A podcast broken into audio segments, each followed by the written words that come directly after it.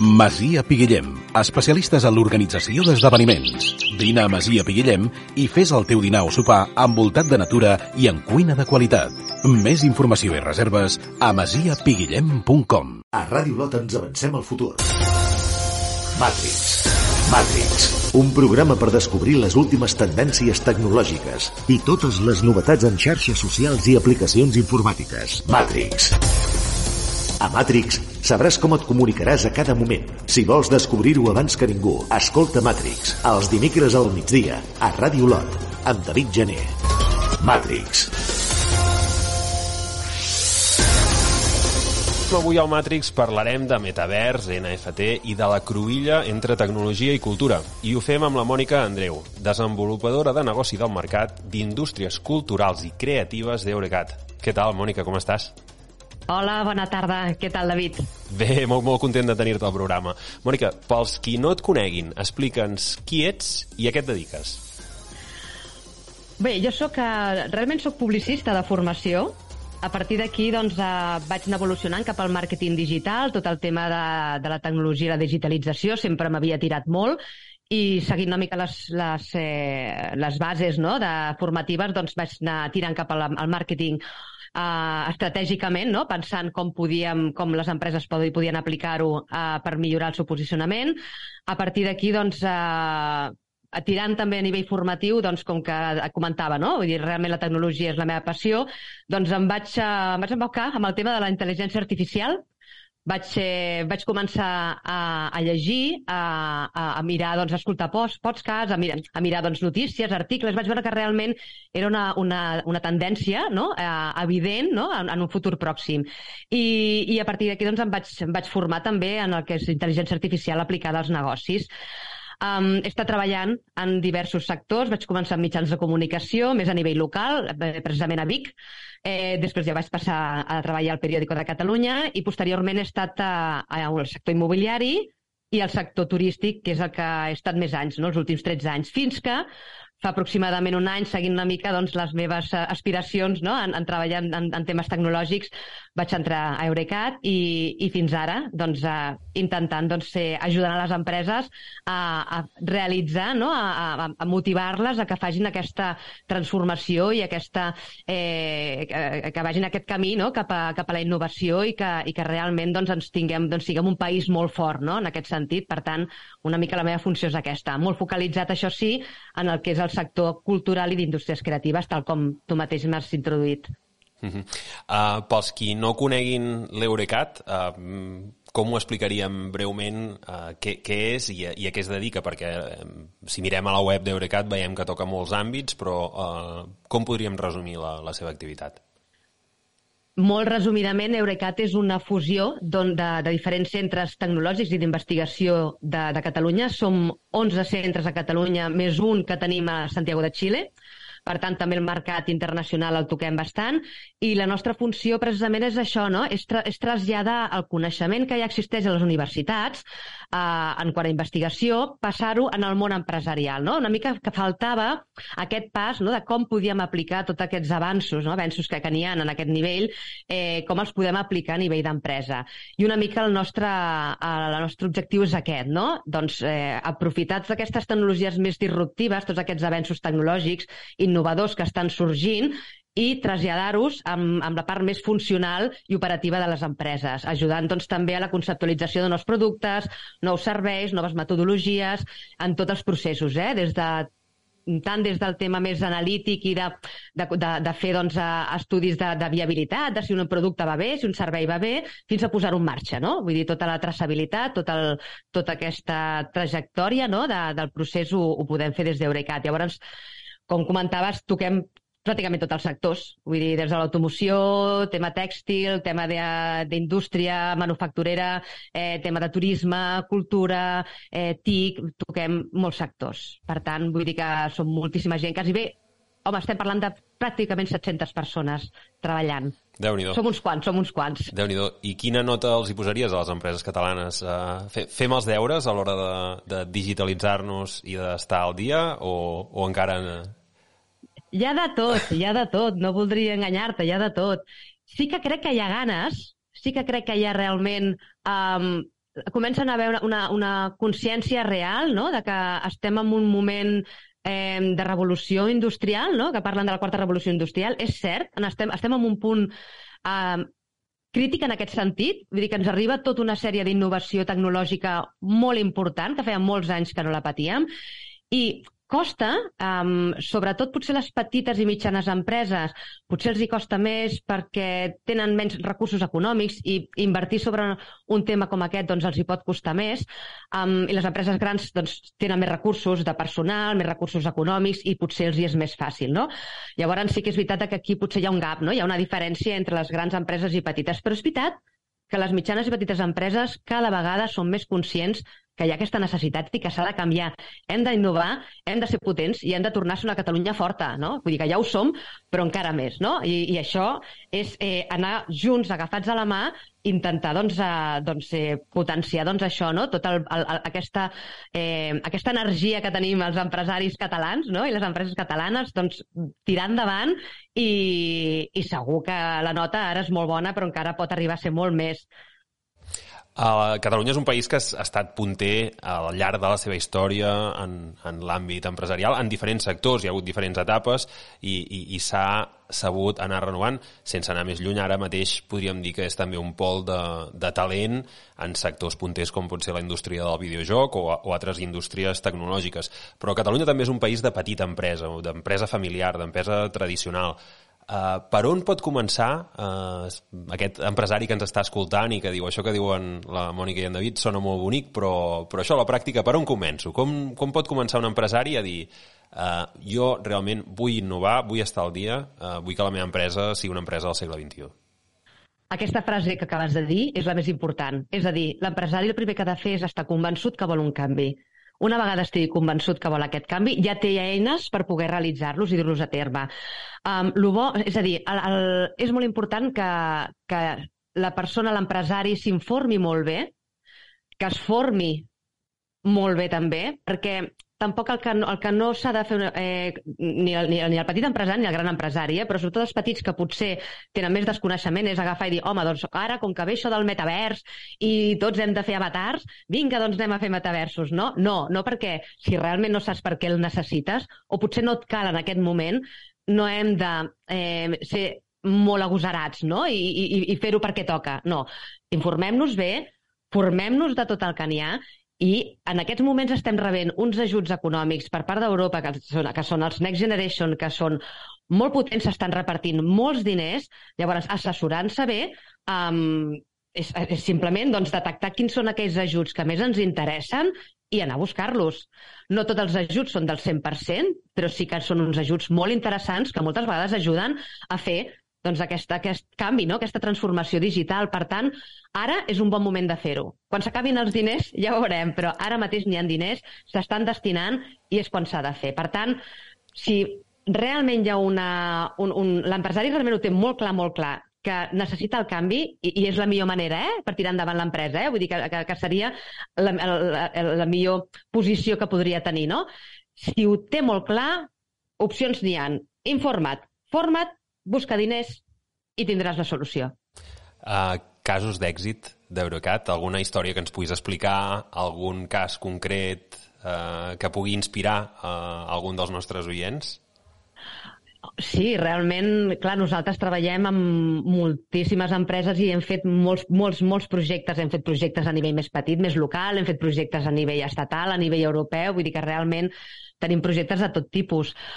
Pensant-hi una mica per sobre. Mira, jo personalment, eh, primer començaré per un que, que és un projecte que l'estic portant a terme. Sí que és veritat que encara l'estem treballant, però... No cal dir noms. Però puc, però puc explicar? No sí, cal sí, dir noms. Puc, Sí, sí, però puc explicar, el puc explicar. Tinc, tinc, tinc, el seu, tinc el seu permís perquè l'explico moltes vegades quan, quan faig alguna ponència o bueno, quan xerro una mica sobre els casos d'Eurecat i, i sí, sí, puc fer-ho. És, un, és un doctor de, de Girona, precisament, és un, té la seva consulta mèdica i té el seu, el seu doncs, eh, laboratori d'investigació biològica, vull dir que té el, el, el seu, diguéssim, core business, no? la seva el seu, el, feina principal és de doctor. Però ens ha sortit artista, Llavors, a part, el que va fer ell és estudiar com, a partir de l'ADN de les persones, podia crear quadres. Llavors, ha creat una sèrie d'algoritmes que s'apliquen, o sigui, t'agafen, per exemple, un cabell, no? De fer un cabell, et fan una, un anàlisi, un estudi, d'allà es treuen una sèrie d'algoritmes i d'aquests algoritmes eh, tenen unes, eh, eh, surten doncs, uns colors i unes formes determinades que t'identifiquen a tu com a persona. Llavors, realment, com que totes les persones són diferents, doncs tots els quadres són diferents. I ara doncs, estem treballant fent doncs, a, doncs, els NFTs, que és una altra d'aquestes tecnologies que se senten molt i que també es treballen, i posteriorment també farem galeries d'art dintre d'algun metavers. No? Vull dir que ara estem justament en aquest projecte. No? Això seria un cas que, que personalment ho trobo doncs, molt maco, no? perquè és una nova oportunitat de negoci, que aquest senyor ho fa de més perquè ho vol i li agrada, i, i escolta, és, és, de veritat que és una cosa molt, molt, molt curiosa i molt, molt divertida i molt diferent. Clar, altres casos. Bueno, nosaltres, per exemple, eh, mira, vam, una empresa de ceba que es diu Splendid Food, eh, que és una empresa agroalimentària que es dedica bàsicament al tema d'embotits, doncs eh, bueno, mm, vam fer amb ells una, aplicant intel·ligència artificial i, i sensors. El que hem aconseguit és que tot el procés de, de la curació de l'embotit sigui molt, molt més òptim no? i sigui molt més ràpid i eh, el producte sigui de major qualitat es genera tota una sèrie de dades cada vegada, o sigui, durant el procés de curació, i llavors a partir d'aquí es generen tot una, unes informacions, unes prediccions i es prenen unes decisions perquè això, doncs, doncs el fuet, no?, doncs pugui sortir amb una qualitat extraordinària. També tenim, el, no sé, un altre projecte, doncs mira, doncs amb una empresa que es diu Fleet Hockeys, no recordo malament, doncs eh, s'ha creat una, una línia esportiva del rendiment a partir dels residus de plàstic marins. O sigui, hem agafat els residus i a partir d'aquí doncs, tenim una... Hem, realitzat doncs, uns treballs d'investigació eh, en, en, en, la, bueno, en la nostra unitat tecnològica corresponent, no? que es dedica a aquest tipus de, de productes, i, i estem fent doncs, roba de, del rendiment esportiva. Vull dir que te la, te la pots posar tu, David, o me la puc posar jo, i està feta de, de, de residus marins. Eh? Vull dir que és molt, molt, molt, molt xulo, la veritat, perquè sempre tot aquest tema d'economia circular i sostenibilitat, Eurocat sempre ho defensa molt, perquè a més també és, forma part del futur i és una cosa que hem de valorar molt.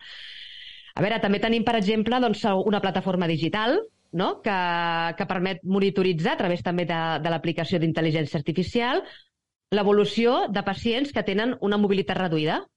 Llavors, el que et permet és veure, no? detectar doncs, eh, eh, com evoluciona no? aquesta mobilitat, si, si està perdent doncs, l'equilibri, si està perdent doncs, una sèrie de funcions no? I, i si, si va empitjorant, si va millorant. Llavors, tot això a través d'intel·ligència artificial va analitzant el pacient i van sortint uns resultats que ajuden després a l'equip mèdic també a prendre decisions en quant a medicació, en quant a, a exercicis. Bueno, realment eh, podria explicar-te tants més, però si algú tenia, aquí...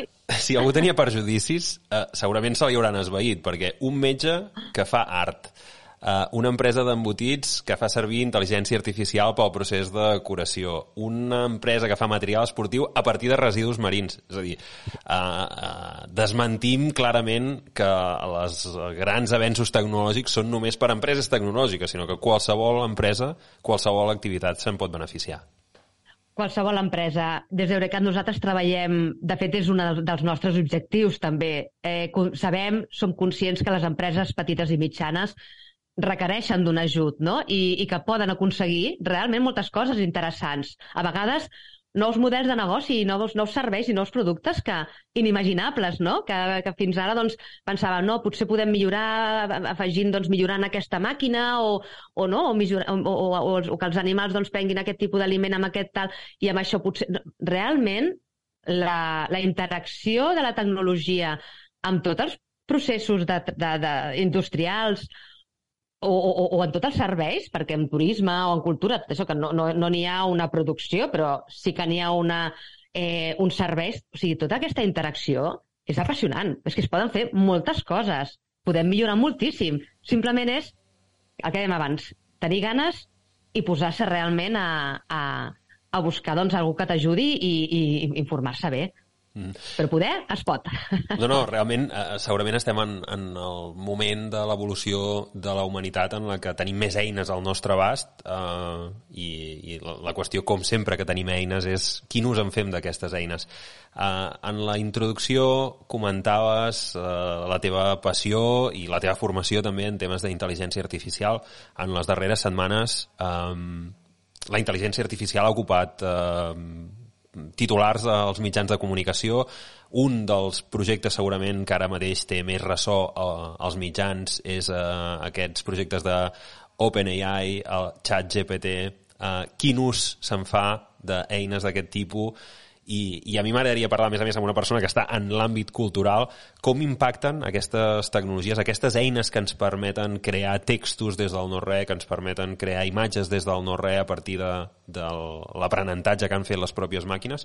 Quin impacte té això en la cultura i si canviarà, tu creus, els nostres hàbits a l'hora de crear i consumir cultura? Um, alguna cosa canviarà la tecnologia, igual que ens va canviar la vida quan va entrar internet.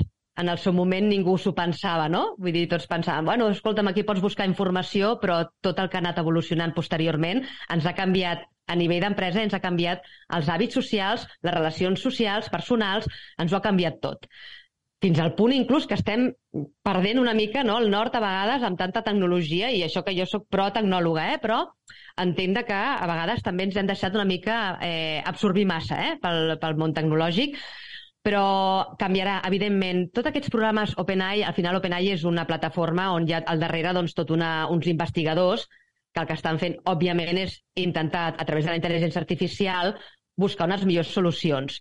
Eh, tot això també després s'ha de traslladar en el món empresarial.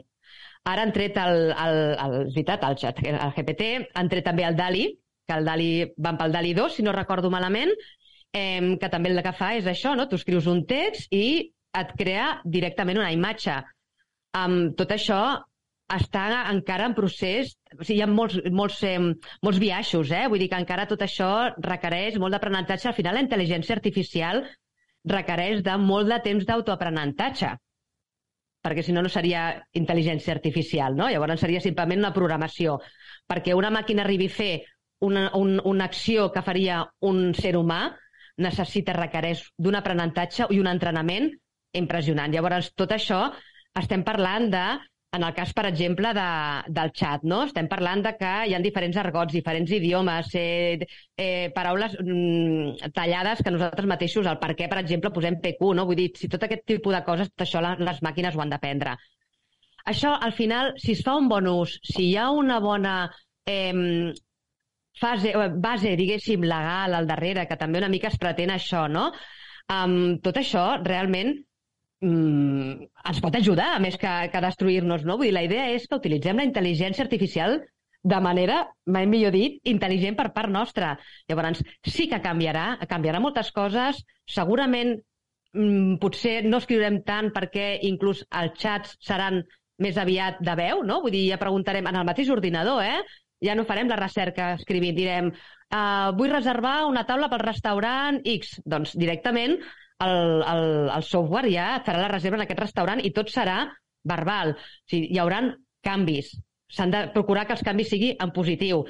En el tema tant de producció com de, consum, de consumidors, eh? Vull dir, com a consumidors també ens hem d'acostumar en aquests canvis, però ho farem. És, és una evolució lenta, no serà d'avui per demà. El que és veritat que genera molta por amb, sobretot amb els artistes, no? Quan veus un programa que t'està fent un quadre, no? Que dius, bueno, anem a veure, si jo estic aquí fent un, un quadre perfecte amb la meva creativitat i la meva inspiració i...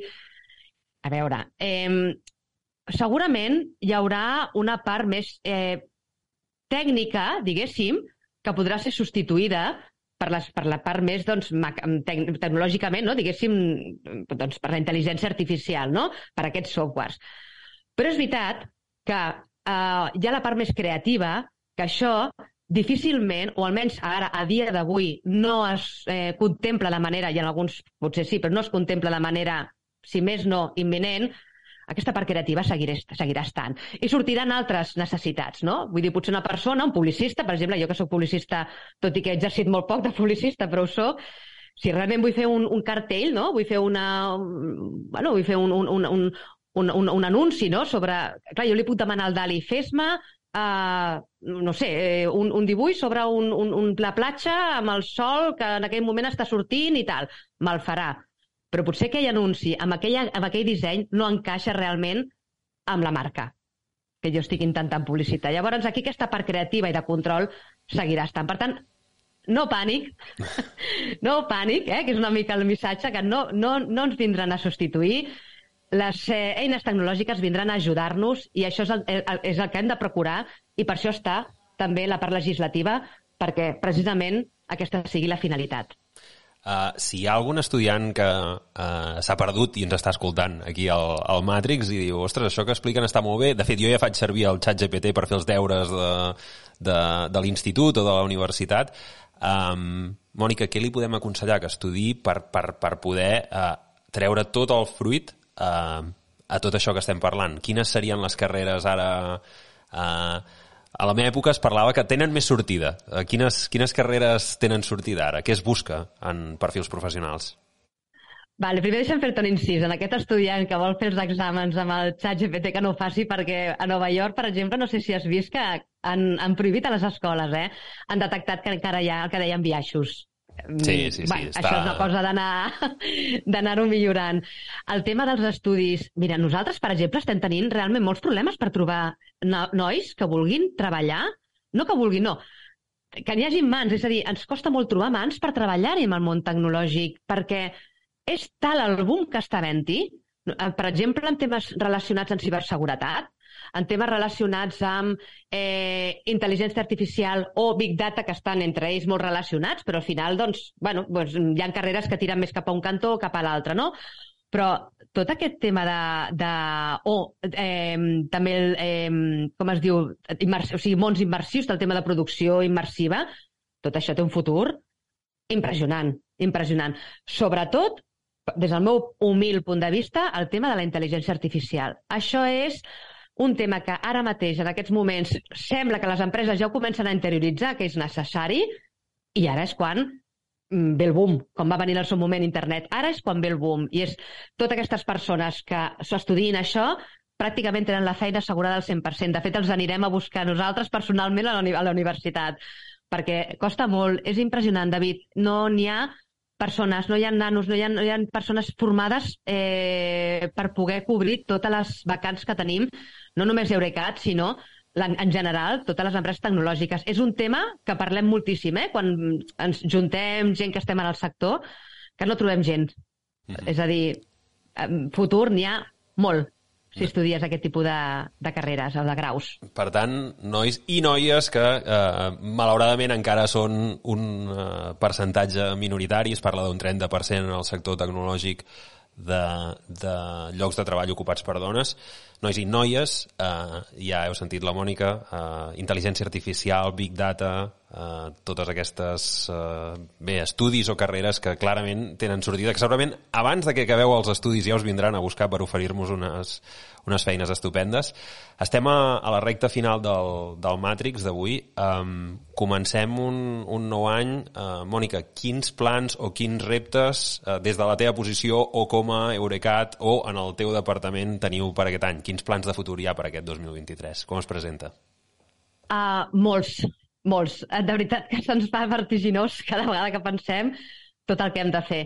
Um, sí, sí, no, clar, en, en el meu cas, sobretot el tema de eh, blockchain, NFTs, eh, metavers, aquestes tecnologies que van molt encaixades amb el tema d'indústries culturals i creatives. Tot això, eh, personalment, mm, ho treballarem molt en el tema turisme, també.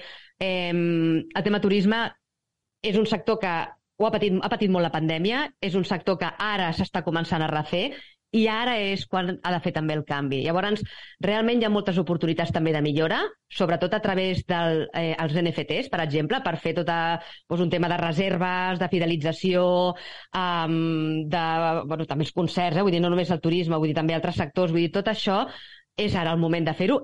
És relativament econòmic, que això també és important saber-ho, que a vegades ens, ens pensem que, que, que realment la tecnologia és molt cara.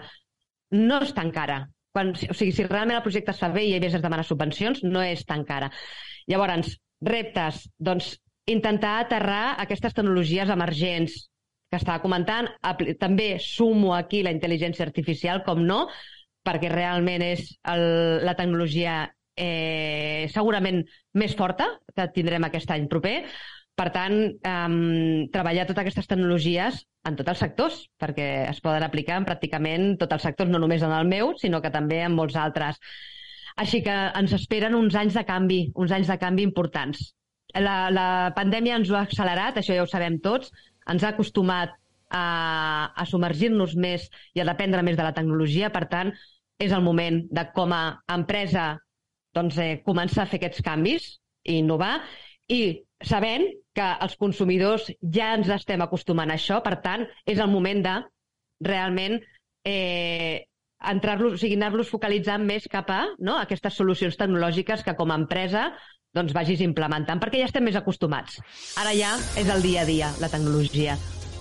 Prenem nota i esperem que els oients de, del Matrix també prenguin nota i, i facin aquest salt a la piscina de la digitalització d'automatitzar processos, de digitalitzar processos i de, al cap i a la fi, com dèiem abans, posar l'empresa al segle XXI. Mònica Andreu, desenvolupadora de negoci del Mercat d'Indústries Culturals i Creatives d'Eurocat. Moltíssimes gràcies. Gràcies a David a vosaltres, a tu especialment, i, i a reveure, i aquí estem pel que necessitem. Gràcies, David. Gràcies. Tens un negoci o empresa i no saps com posicionar-lo a internet? A Volcanic Internet T'ajudem. Desenvolupament de webs, botigues online, aplicacions mòbils, xarxes socials. Truca'ns ara al 972 26 42 96 o visita'ns a volcanicinternet.com i et farem un pressupost sense compromís. Volcanic Internet, perquè si no ets a la xarxa, no existeixes.